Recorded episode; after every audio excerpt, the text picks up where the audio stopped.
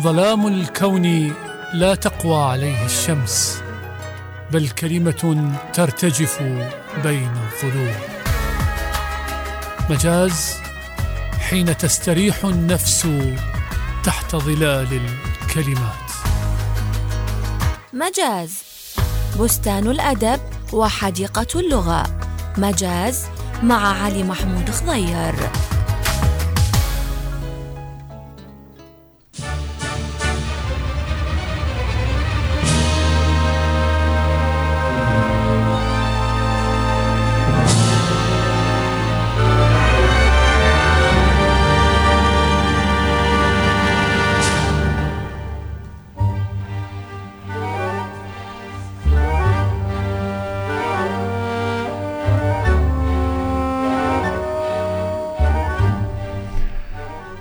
مرحبا أحبتي أصدقائي المستمعين في حلقة جديدة من مجاز راديو Time Square 102.5 FM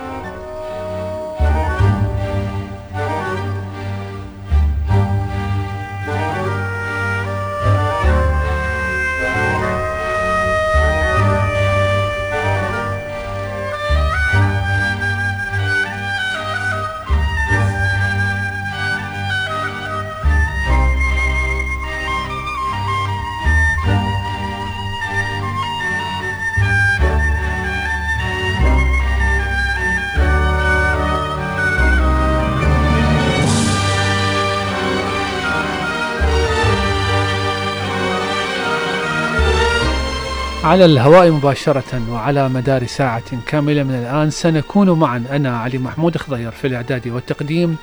يرافقني في الإخراج والتنفيذ الزميل المبدع مصطفى نزار. فكونوا بالقرب. يا زمن وش انطيتك اللي ردت منه زايد شلك علي يا زمن وش أنطيتك اللي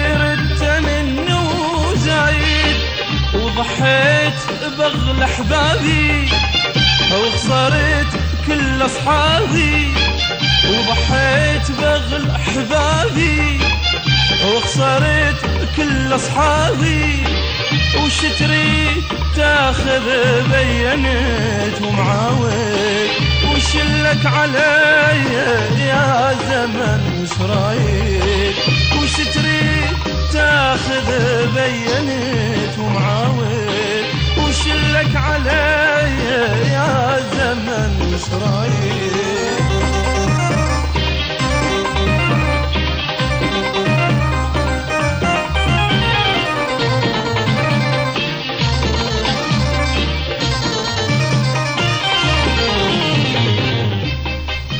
كل الهلا بكم أحبتي أصدقائي المستمعين اللي يسمعنا من الراديو.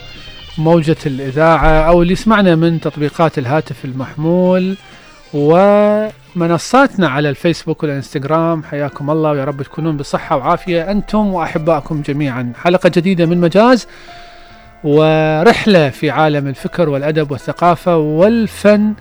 خلال هذا الأسبوع راح نتطرق على مواضيع كثيرة من ضمنها وعلى عجالة نستعرض راح نحكي عن موضوعة الكتاب وحضور البرامج الثقافية في البرامج الإذاعية والتلفزيونية وأهمية تحديدا أهمية الحوارات الثقافية. راح نتكلم عن شاعرة حازت على جائزة نوبل في العام الماضي. راح ناخذ بروفايل يعني سيرة نبذة عنها. آه، لويز جليك هذه الشاعرة الأمريكية التي حقيقة فاجأت ال- الأوساط الثقافية العام الماضي بفوزها.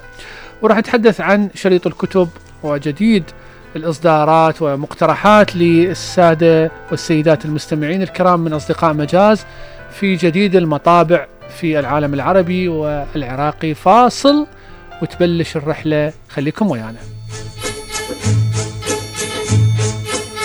قالوا لي أهاني الود عليه ونسيك وفات قلبك وحداني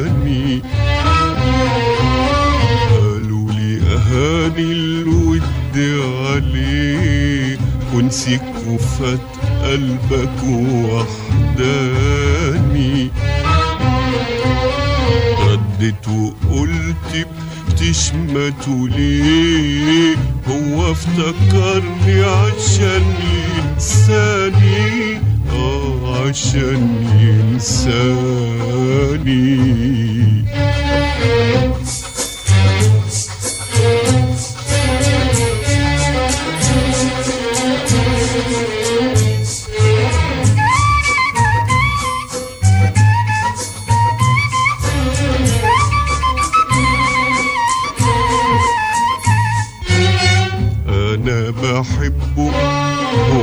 راعي إن كان في قربه ولا في نعم أصدقائي في الأسبوع الماضي آه، كان مهرجان المربد الشعري في البصرة دورة الرابعة والثلاثين. حقيقة كل مهرجان آه، يصير بجدل كبير. المربد إرث ثقافي وحضاري يمتد إلى آه، يعني نقدر نقول حتى أكثر من ألف سنة لأن كان سوق المربد ومهرجان المربد يقام في البصرة الأولى في في تأسيسها وهي للمعلومة هي منطقة الزبير أو قضاء الزبير. هي كانت أحد أحيائها يقام فيها فعاليات أدبية في إلقاء الشعر بشكل مباشر شفاهي على جمهور الحاضرين وتصير عمليات مباريات أو مبارزات واستمر هذا الإرث وأعيد حتى آه، في زماننا المعاصر سنة 1971 كانت أول دورة وكان ال- الجواهري محمد مهدي الجواهري ومحمود درويش ونزار قباني والفيتوري والبردوني وكبار شعراء العربية حقيقة يتوافدون على العراق كل سنة من أجل أن يقرأوا في هذا المهرجان الكبير اللي يعد علامة حقيقة. لكن في السنوات الأخيرة كثير من الجدل آه، كان يحوم حول هذا المهرجان. دعوات من هنا وهناك من المتابعين من النقاد من الصحافة تقول أنه المهرجان آه، وكأنه شاخة كبر يعني.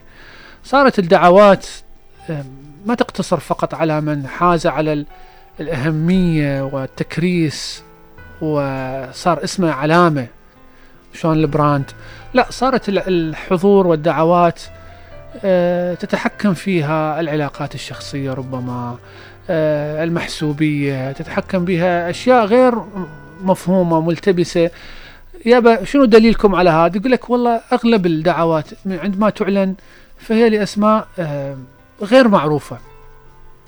يعني ما موجودة على الساحة الشعرية بشكل كبير. طبعا الجانب الآخر يعني وزارة الثقافة اتحاد العام لأدباء العراق اتحاد أدباء البصرة يقولون آه، ت- ال- الأسماء اللي موجودة هي أسماء لها حضور وإحنا بعيدين على أن نستدعي أسماء ودعوات بحسب العلاقات. طبعا ما هو الفاصل في هذا ال- الفاصل هو المستوى. يعني مو إذا أنت جبت شاعر حتى لو كان ما معروف لكن صعد على المنصة وقرأ قراءة ممتازة وقدم مقترح شعري لافت جديد يليق بمهرجان شعري آه، يقام ال- آه، يعني 21 ما هي هاي المسألة هم مهمة. يعني إحنا هناك من يتخيل إنه الشعر لا زال إلى الآن آه، على على يعني يجرى في المربد اللي عندنا بالزبير. يعني رمل وصحراء وخيمة آه، وتجلس أنت تستمع لغة ومنطق في الشعر منطق نظرة آه، نظرة قديمة مفاهيم قديمة. وهنا يبدي- سؤال أنه هل الشعر هو كيفية كتابة صورة لافتة أم هو نظرة عامة عن الحياة؟ وإحنا نقول الشعر والفن بشكل عام.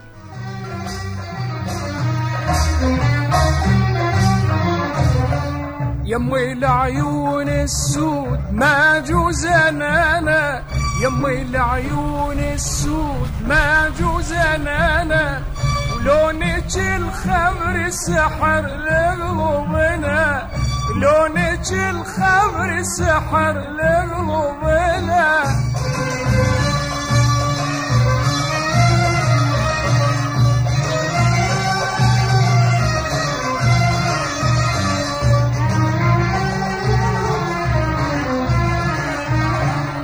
يمي العيون السود ما جوز أعتقد أنه الحداثة أو التجديد في الشعر هو تجديد النظرة إلى الأشياء من خلال الكتابة.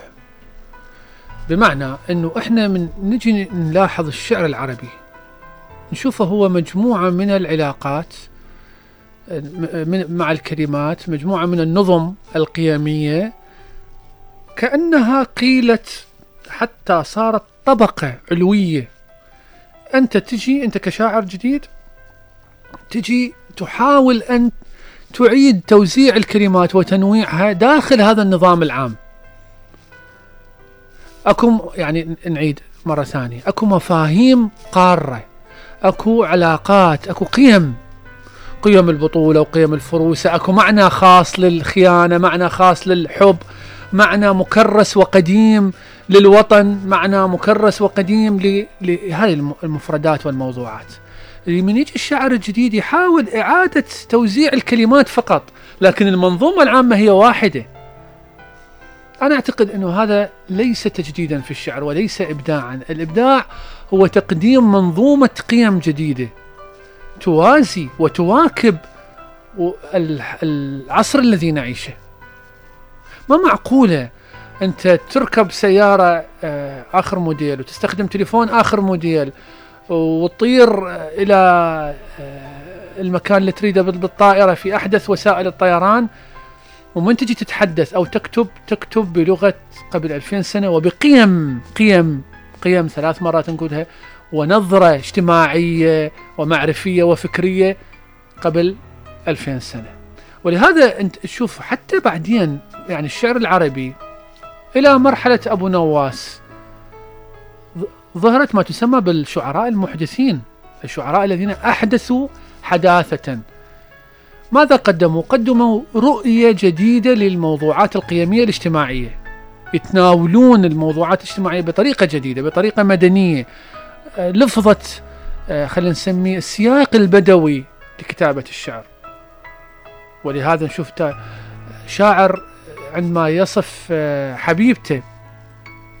مثلا شاعر فارق حبيبته لفترة طويلة والتقاها فجاي يصف في وصف طويل.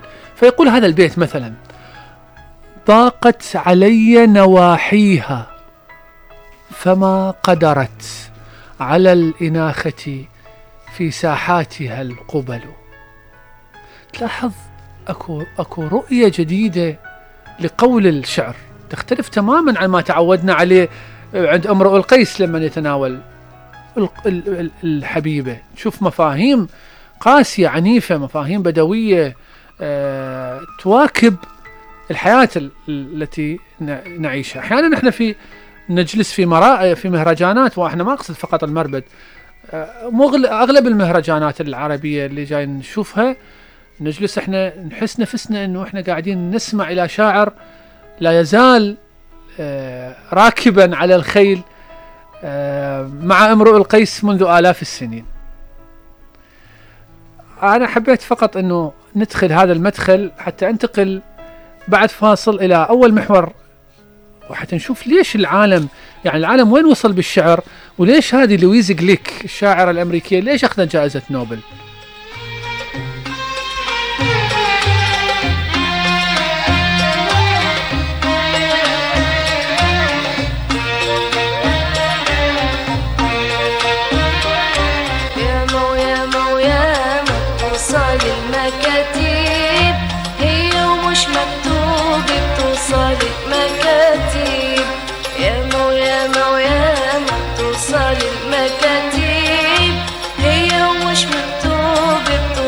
المكاتيب لفت بتوصل ضحك بتوصل لفت بتوصل ضحك بتوصل وبتاخد حكي وبتجيب. ياما وياما وياما توصل المكاتيب ياما وياما وياما توصل المكاتيب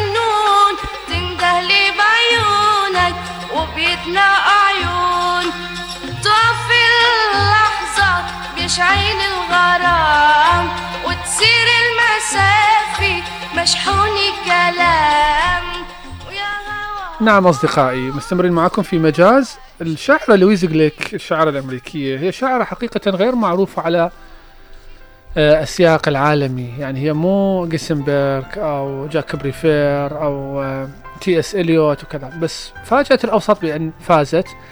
لماذا؟ لأنها قدمت تصورا جديدا للشعر يتناسب مع طبيعة الحياة اللي يعيشها المجتمع الأمريكي.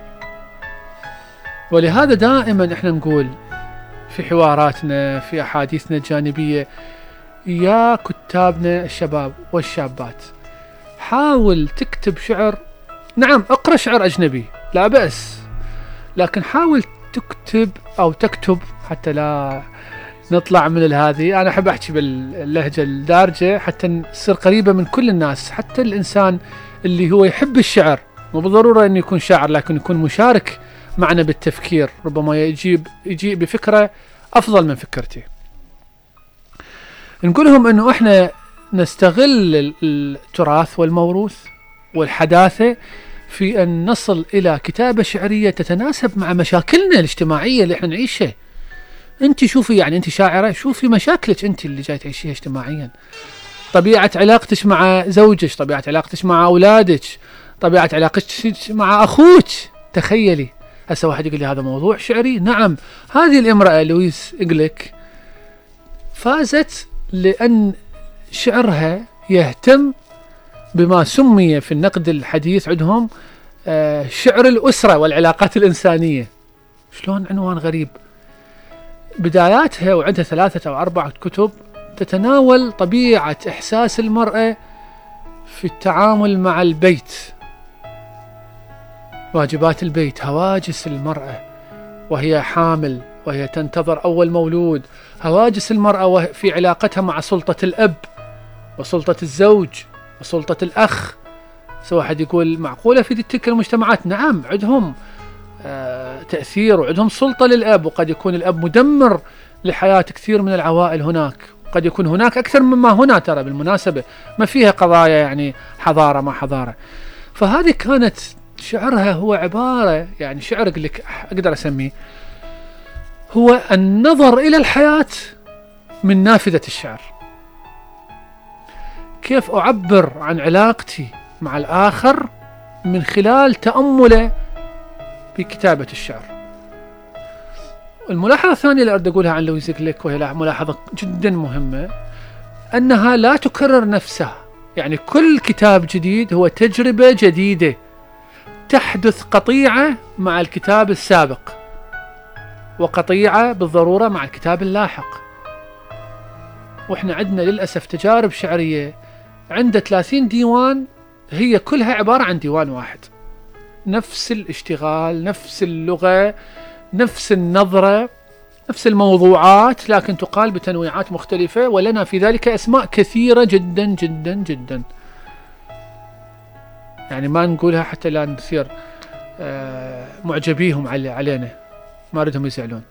لكن أنت كقارئ أنا أعتقد أنت تسمعني وتصغي لي يعجبك الشاعر المتنوع اللي يفاجئك مثل ما يعجبك ال- اللاعب اللي يفاجئك بطريقة جديدة بالمراوغة بتسجيل الأهداف مثل ما يعجبني المخرج اللي يفاجئني بطريقة الدخول إلى هسه اليوم إحنا بدينا بموسيقى تختلف للي متابعنا زين وصحيح تختلف عن كل دخول ففاجئني مصطفى هذا المفاجأة حفز بداخلي إنه أرد عليه بطريقة غير تقليدية مثل ما هو دخل بطريقة غير تقليدية.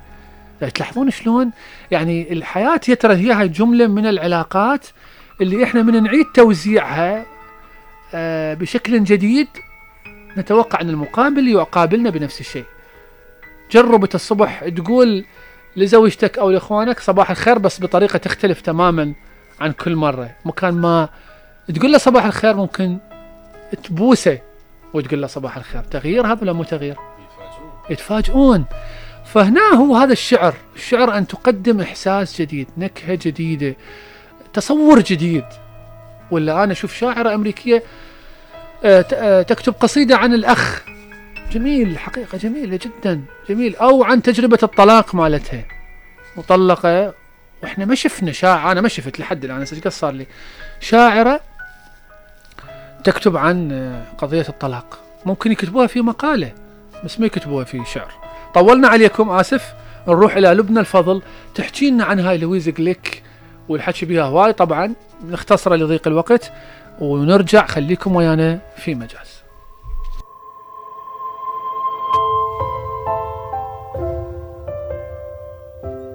كشفت لويز جلوك عن فلسفتها الشعرية قائلة أقع دائما في حيرة بسبب الحذف والإيجاز وعدم الإفصاح والإيحاءات والبلاغة والصمت الهادئ.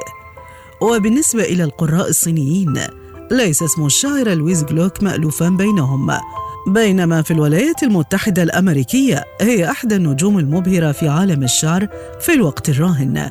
وهي الأكثر شهرة بعد ديكنسون وماريان مور وبيشوب.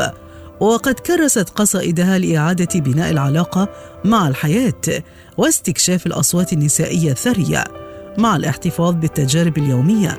كما تفتح قصائدها آفاقا شعرية جديدة يتسربل بها الثراء والعمق والغموض. وقد بلغت أعلى درجات الإتقان والإجادة في مجموعتها حياة الريف.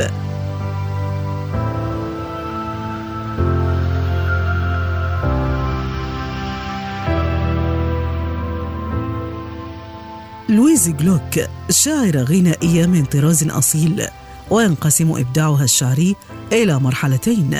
المرحلة الأولى هي مرحلة تدريب الشعر وكان معظم نتاجها الشعري نابعا من تجارب حياتية ممثلة في ديوانها صورة متداعية.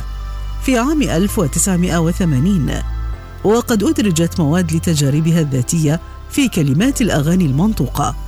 وغدت حساسيتها المرهفة وروحانيتها العالية قصائدها وأضحى التردد والتشوق إلى الحب موضوعات مشتركة تتجسد في قصائدها على سبيل المثال في ديوان الصيف قالت ضعنا أنا وأنت ألا تشعر؟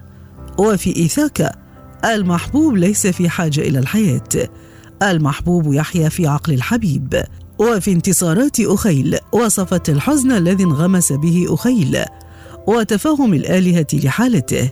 هو بالفعل شخص ميت والجزء الذي سيحب هو ذات الجزء الذي سيموت. وفيما يتعلق بالإبداع الشعري أقرت لويز جلوك قائلة أنا على يقين تام بأنني أتعلم كتابة الشعر فليس ضروريا أن تكون الصور الشعرية انعكاسا لصور ذاتية تمور داخلي دون السماح بتوليد صور حية بسيطة دون تعقيد. توليد الصور دون أن تقف الروح عائقا أمامها بل لابد من استخدام الروح لاستكشاف الأثر الشعري والفصل بين الضحالة والعمق وانتقاء أشياء على قدر من العمق.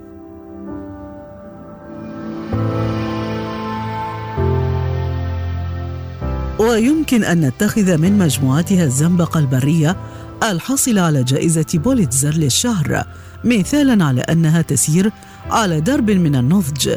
فلم تجسد قصائد المجموعة علم النفس البشري الدقيق فحسب بل كان لها السبق في استخدام الإحالات الأسطورية والتزاوج بين الأساطير والخرافات والشعر للكشف عن المشاكل الأساسية للوجود البشري. مثال ذلك في ديوان عتاب الذي يتحدث فيه الشاعر مع إله الحب إيروس في الأساطير اليونانية. وفي مقتطفات أسطورية اقتبست قصة إله الشمس أبولو وهو يلاحق دافني ابنة إله النهر بينيوس. وأكثر ما أثنت عليه جلوك التمازج بين الأساطير وأسرار الحياة.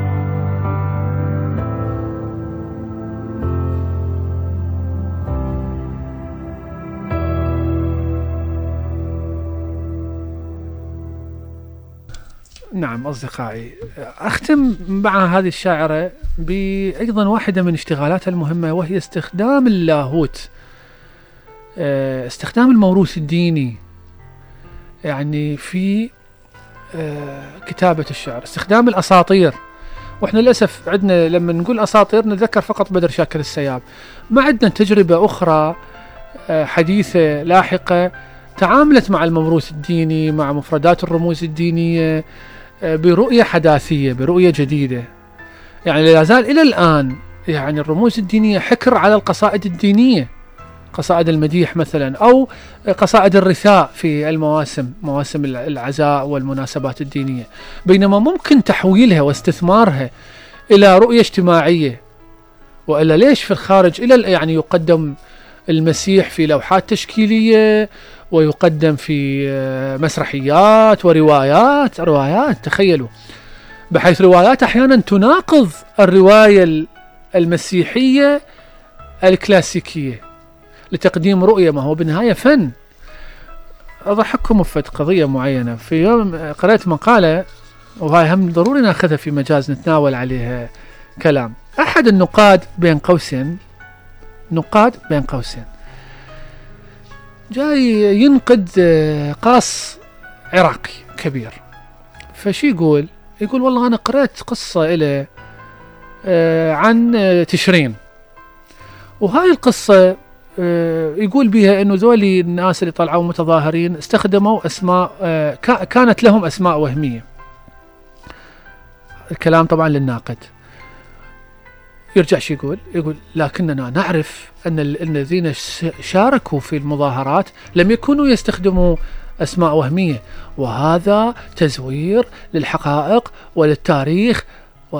يواش يواش يواش يا معود هذا كتابة هذا فن أدب يعني خيال يعني مقترح. الرجل ما جاي يوثق أحداث ومو صحفي.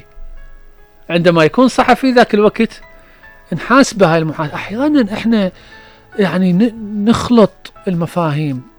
لما نشوف شاعر يتناول رمز معين أو قضية معينة بتناوله هو الخاص يعني هو يضفي عليها صفات أخرى. رأسا نسحبه للمنطقة الواقعية ونقول له ها أنت جاي تسوي إساءة وأنت جاي تلوث المفاهيم. يابا هذا أدب. لك أن تقبله ولك. مثل فيلم. هسه الفيلم من يشوف واحد يبكي يمك من مشهد أو خايف من مشهد. شو تقول له حبيبي هذا تمثيل لا تضوج روحك شو ماكو يعني. فبالنهاية التمثيل شنو هو؟ فن مثل ما الكتابة فن. إحنا بدت للأسف مواقع التواصل الاجتماعي تحديدا بدت تفرض هاي بهيمنتها بأساليبها بمنظومة علاقاتها المشبوهة. يعني هو شخص للأسف ما مؤهل لعملية النقد. يلم له فد إحنا نسميها بالعامية حبربش فد 30 واحد يعطونا لايكات وتعليقات. خلاص صارت عنده سلطة. بحيث يسقط فلان وفلان وفلان بجهله بدعم الجاهلين. في يوم من الأيام هنا في مجاز راح ناخذ نماذج حية بالأسماء لهاي الظواهر حتى يعرف هؤلاء أنه إحنا مثل ما أنت تنقد الآخرين فتتحمل لاحقا أن تكون تحت مشرط النقد. فاصل. ونروح إلى شريط الكتب. كتب حلوة ضاملكم.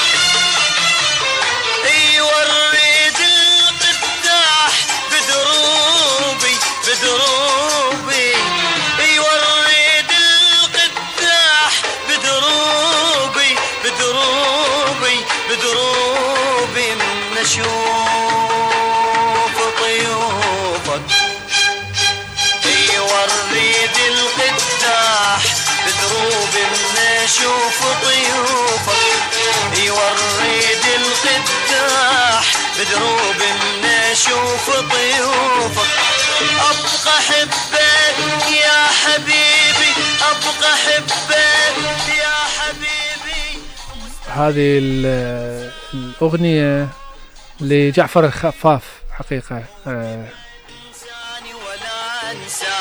تبعد اظل اهواك تنساني ولا انساك حتى لو تعبر الدنيا اعبر الدنيا وراك.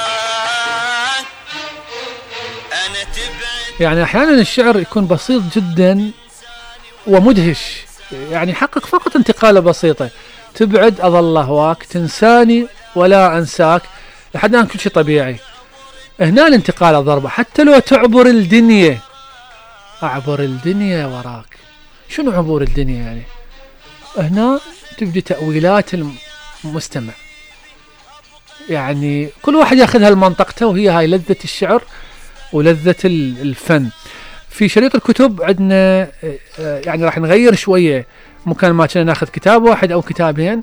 منه هيك في مجاز راح نخلي قصرنا عدد كلمات ال- النبذة اللي تتحدث عن الأغنية عن عن الكتاب آسف بعدها الأغنية تشتغل براسي. حتى ناخذ أكبر ك- كمية أو أكبر قدر من الكتب. حتى نغذي موضوعات أخرى. ولهذا راح تشوفون أنتم اليوم الفن والتمثيل. حاضر في آه، لأول مرة في شريط الكتب. نسمع زميلتنا العزيزة شهلة محمد في شريط الكتب ونرجع لكم في مجاز.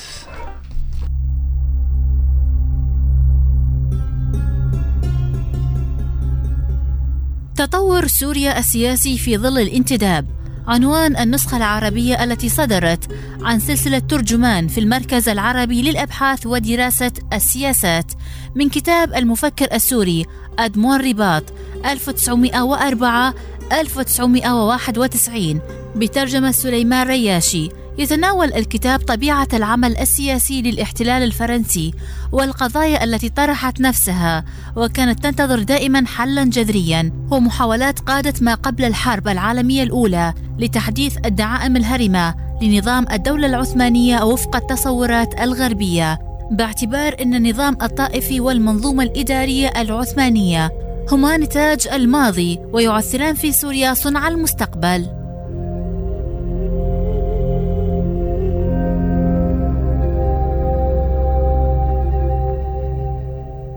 يقدم أستاذ فنون عصر النهضة جيسي لوكر في كتابه أرتميسيا جنتلسكي لغة الرسم الذي صدر حديثا عن منشورات جامعة يال. سيرة للفنانة الإيطالية من عام 1593 إلى 1656 تدحض الافتراضات القديمة بأنها كانت شبه أمية حيث تلقت تعليما وإلماما بفنون الفترة التي عاشتها من خلال تعلمها الذاتي والذي انعكس بدوره على لوحاتها التي تضمنت أحداثا وشخصيات تاريخية مستمدة من الكتاب المقدس.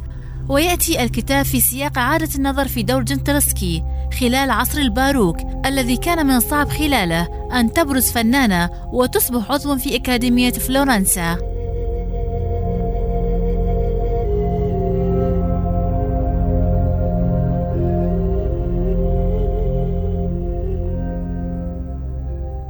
هامل تلغرافيك المصري نحمية سعد 1912 1945 عنوان الكتاب الذي صدر حديثا للباحث المصري ياسر منجي عن مؤسسة الجوزيت للنشر والإعلام. يستعرض الكتاب حياة فنان مصري ينتمي إلى الجيل الثاني من التشكيليين المصريين ويوثق لما بقى من أعماله المعروفة إضافة إلى كشفه عن أعمال مجهولة لم توثق من قبل في مرجعيات تاريخ الفن المصري الحديث. كذلك يشتمل على تحليلات نقدية لبعض تلك الأعمال المجهولة. تضمنت رؤية لسمات أسلوبه الفني ومعالم أدائه التقني ويتضمن الكتاب بعض المواد الوثائقية ذات الصلة بفنه وسيرته.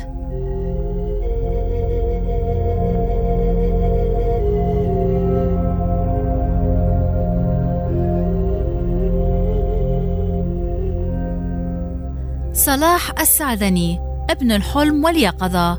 عنوان كتاب صدر حديثا لأحمد خميس ضمن منشورات المهرجان القومي للمسرح المصري الذي أقيم الشهر الماضي. يركز المؤلف على المسيرة المسرحية لصلاح السعدني التي ظلت مهمشة بسبب النجومية التي حققها في أعماله الدرامية أبرزها دوره في مسلسلي بين القصرين وليالي الحلمية.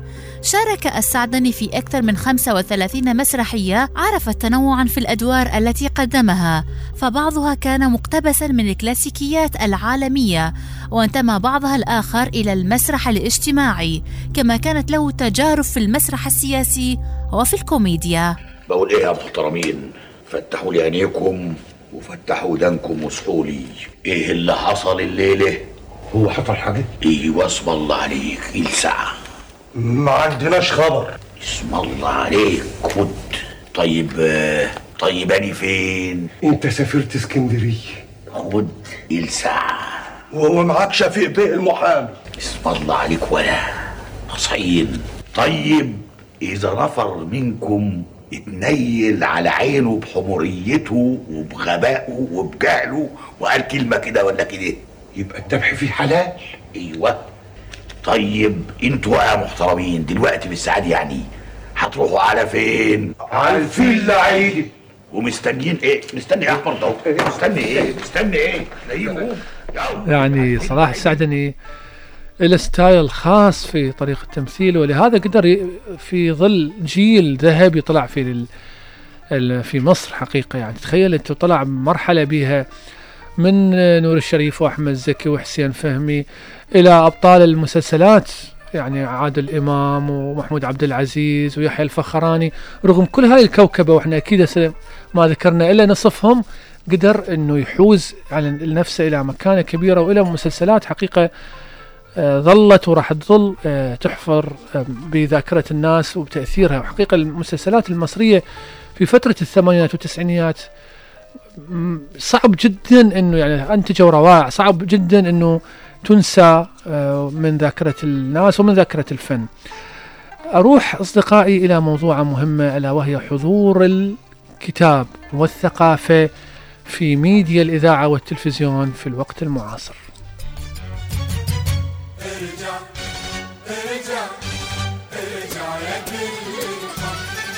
ارجع يا كل الحب ارجع يا روحي ارجع أنا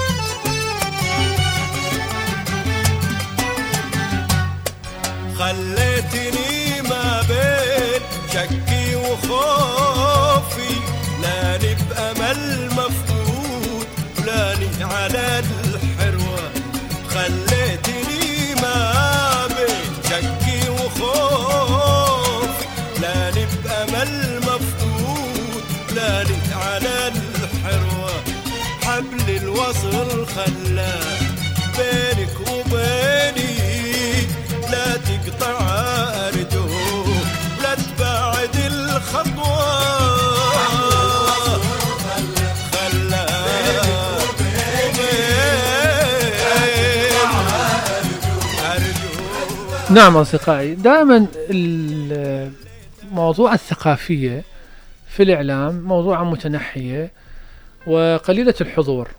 يعني إذا تلقى لك قناة تحقق لك أو توفر لك برنامج ثقافي فمو كثير تعطيه عشر دقائق أو ربع ساعة وتخليه موعد البث مالته في موعد آه، يعني هامشي. لأن يقول لك إنه الثقافة ما إلها رواد. يعني ممكن أن تمسك المستمع. ما أدري أنتم مثل يعني توافقون بالرأي أو لا. الحقيقة إذا كانت القراءة والكتابة تمر بأزمة أزمة كبيرة على صعيد أنه قلة الرواد. صعب واحد يقرأ في زمن مثل زمننا زمن الصورة زمن الميديا زمن المادة. اللي قامت تنقري وتنكتب وعفوا ويصورها لك تصوير ومونتاج حتى بس مجرد تشوفها على. مو إلا تتفاعل وياها. فتبدو ال- القراءة في في هذا الواقع وضع ترف يعني. يقول لك أنا والله ليش؟ أنا أريد ملخصات أريد. إذا كان هذا الشيء صحيح فبإمكان المنتج الثقافي أن يقدم مع تحويلات بسيطة تناسب العصر. لو تلاحظون انه هاي النقطة مركزية في حلقة اليوم. كيف تقدم محتواك ومنتجك بطريقة تلائم روح العصر؟ يعني إحنا هسه ممكن في مجاز إنه نحوله إلى برنامج نخبوي أكاديمي ونحكي كله فصحى ونحكي كله فكر وفلسفة وهايدجر وفوكو وبالتالي ما نلزم حتى الأدباء ما نلزمهم. أقول لك إياها يعني. أحكي لكم إياها بصراحة. إحنا متعودين نحكي بصراحة. زين؟ لكن آه أن تقدم المعلومة بطريقة تمسك بها ال- المستمع هذه الحرفنة هي هاي اللعبة.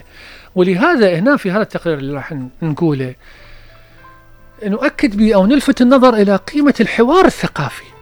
أخوان أنت من تلزم كتاب طريقة القراءة الصامتة وجفاف المعلومة وطريقة المؤلف واللغة وأكو كلمة ما عرفتها تروح للمعجم لازم تدور عليها، المعجم مو يمك تدخل على النت، النت ضعيف.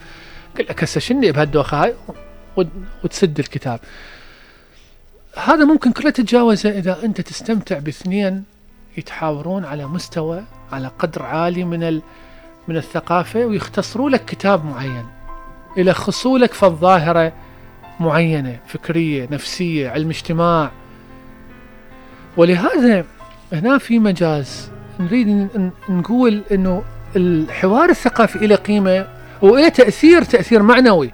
هسه شلون هذا التأثير المعنوي؟ وراء الفاصل الصغير نحكي قيمة التأثير المعنوي بالحوار الثقافي.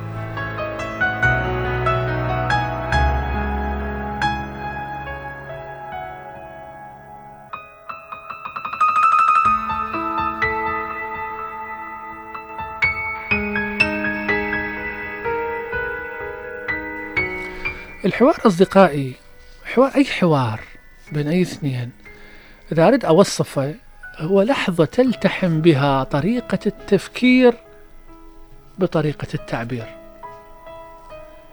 أنت بين ما تفكر بالفكرة وتعبر عنها بلسانك هاي الثواني قد ما كانت تختصرها قد ما أنت لبق وسريع البديهة ومؤثر بالمقابل. بنفس الوقت نظرتك حركاتك الفيزيائية جسدك ثقتك بنفسك نبرة الكلام طريقة إلقاء المعلومة هذه كلها تختصر جفاف المعلومة الثقافية وتحولها إلى سلاسة تشبه سلاسة الماء. ولهذا تشوف أنت أبرز الخطباء الدينيين أبرز المفكرين أبرز القادة السياسيين هم الذين يتمتعون بقدرة عالية على الحديث.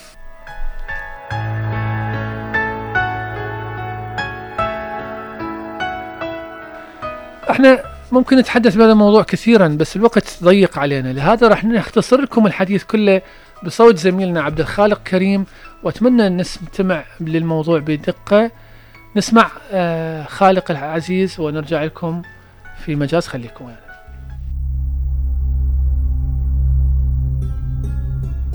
قل حضور الكتاب والثقافة في الإذاعة والتلفزيون وبات عبئا يتم النهوض به من باب جبر الخواطر ورفع العتب.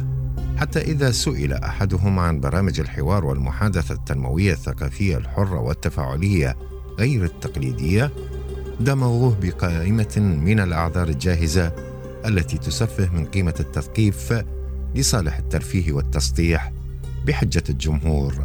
يريد ذلك.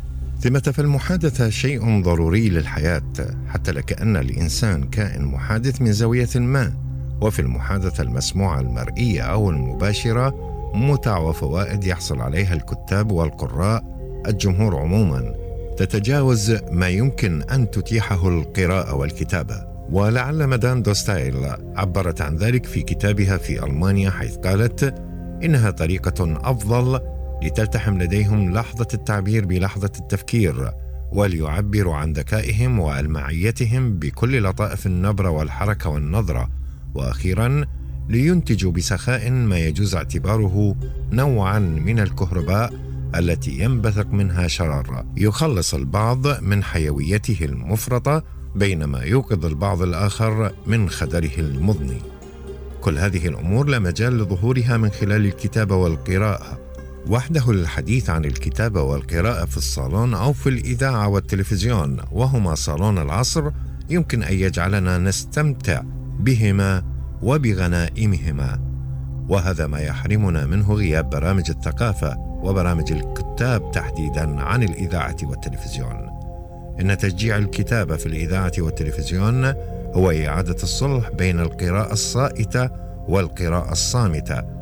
إن تشجيع الكتاب هو تشجيع للقراءة بما هي تشجيع للتفكير فالقراءة رياضه لمجموعة من الملكات والعضلات الذهنية والروحية والجسدية لا تنمو ولا تتفاعل بغيرها والحقيقة أن العلاقة بينهما علاقة تكامل تام فلا معنى للشراكة لولا الانفراد ولا قيمة لانفراد لا يفتح على الشراكة وهو ما يعنيه حضور الكتاب من خلال الإذاعة والتلفزيون.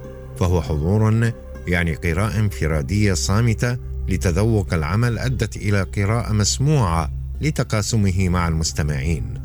هنا حتى المقولة القديمة المأثورة كما قال مينغويل في كتابه أما ما يكتب فيبقى وأما ما يقال فتذروه الرياح. حتى هذه المقولة يمكن تأويلها في اتجاه التكامل. المكتوب يبقى أي يخلد والمقول تذروه الرياح أي ينسى. والمكتوب يبقى أي يتجمد والمقول تذروه الرياح أي يحلق كاللقاح من مكان إلى آخر ويخصب الأرض.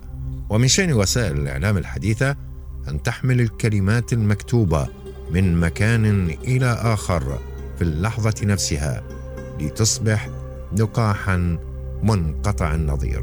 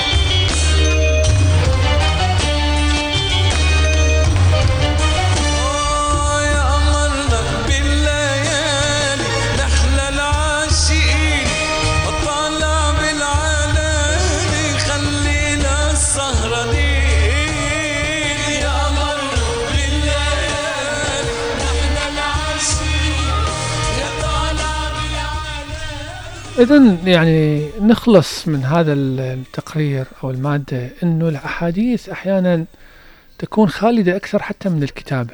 ربما نعارض بهذه الكلمة المقولة الشائعة بأن الكتاب هو الخالد بينما الكلام الشفاهي يذهب.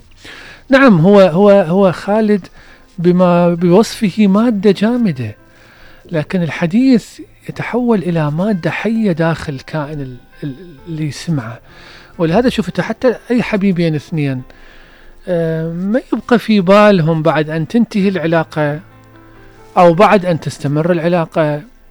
ما تبقى الهدايا الجامدة على أهميتها تبقى الكلام اللي كنا نقوله بلحظات اللقاء أو على التليفون في لحظات الرضا, وفي لحظات الزعل. الأحاديث اللي كانت تقول كانت تقولها الوالدة آه لك أو الوالد أو حديثك مع صديقك الأحاديث لها قيمة جوهرية كبيرة في ذاكرتنا هي التي آه، تحرك الحنين في داخلنا عندما تمر الأيام والسنوات وتعاد المواقف والذكريات. إذا هذه هي موسيقى الختام. نصل معكم أحبتي أصدقائي مستمعين مجاز وأصدقاء إلى آخر حلقتنا لهذا اليوم. أتمنى أن تكون قد راقت لكم وكانت حلقة ممتعة ومفيدة وفيها شيء جديد عذرونا عن التقصير. تقبلوا في النهاية تحياتي أخوكم علي محمود خضير.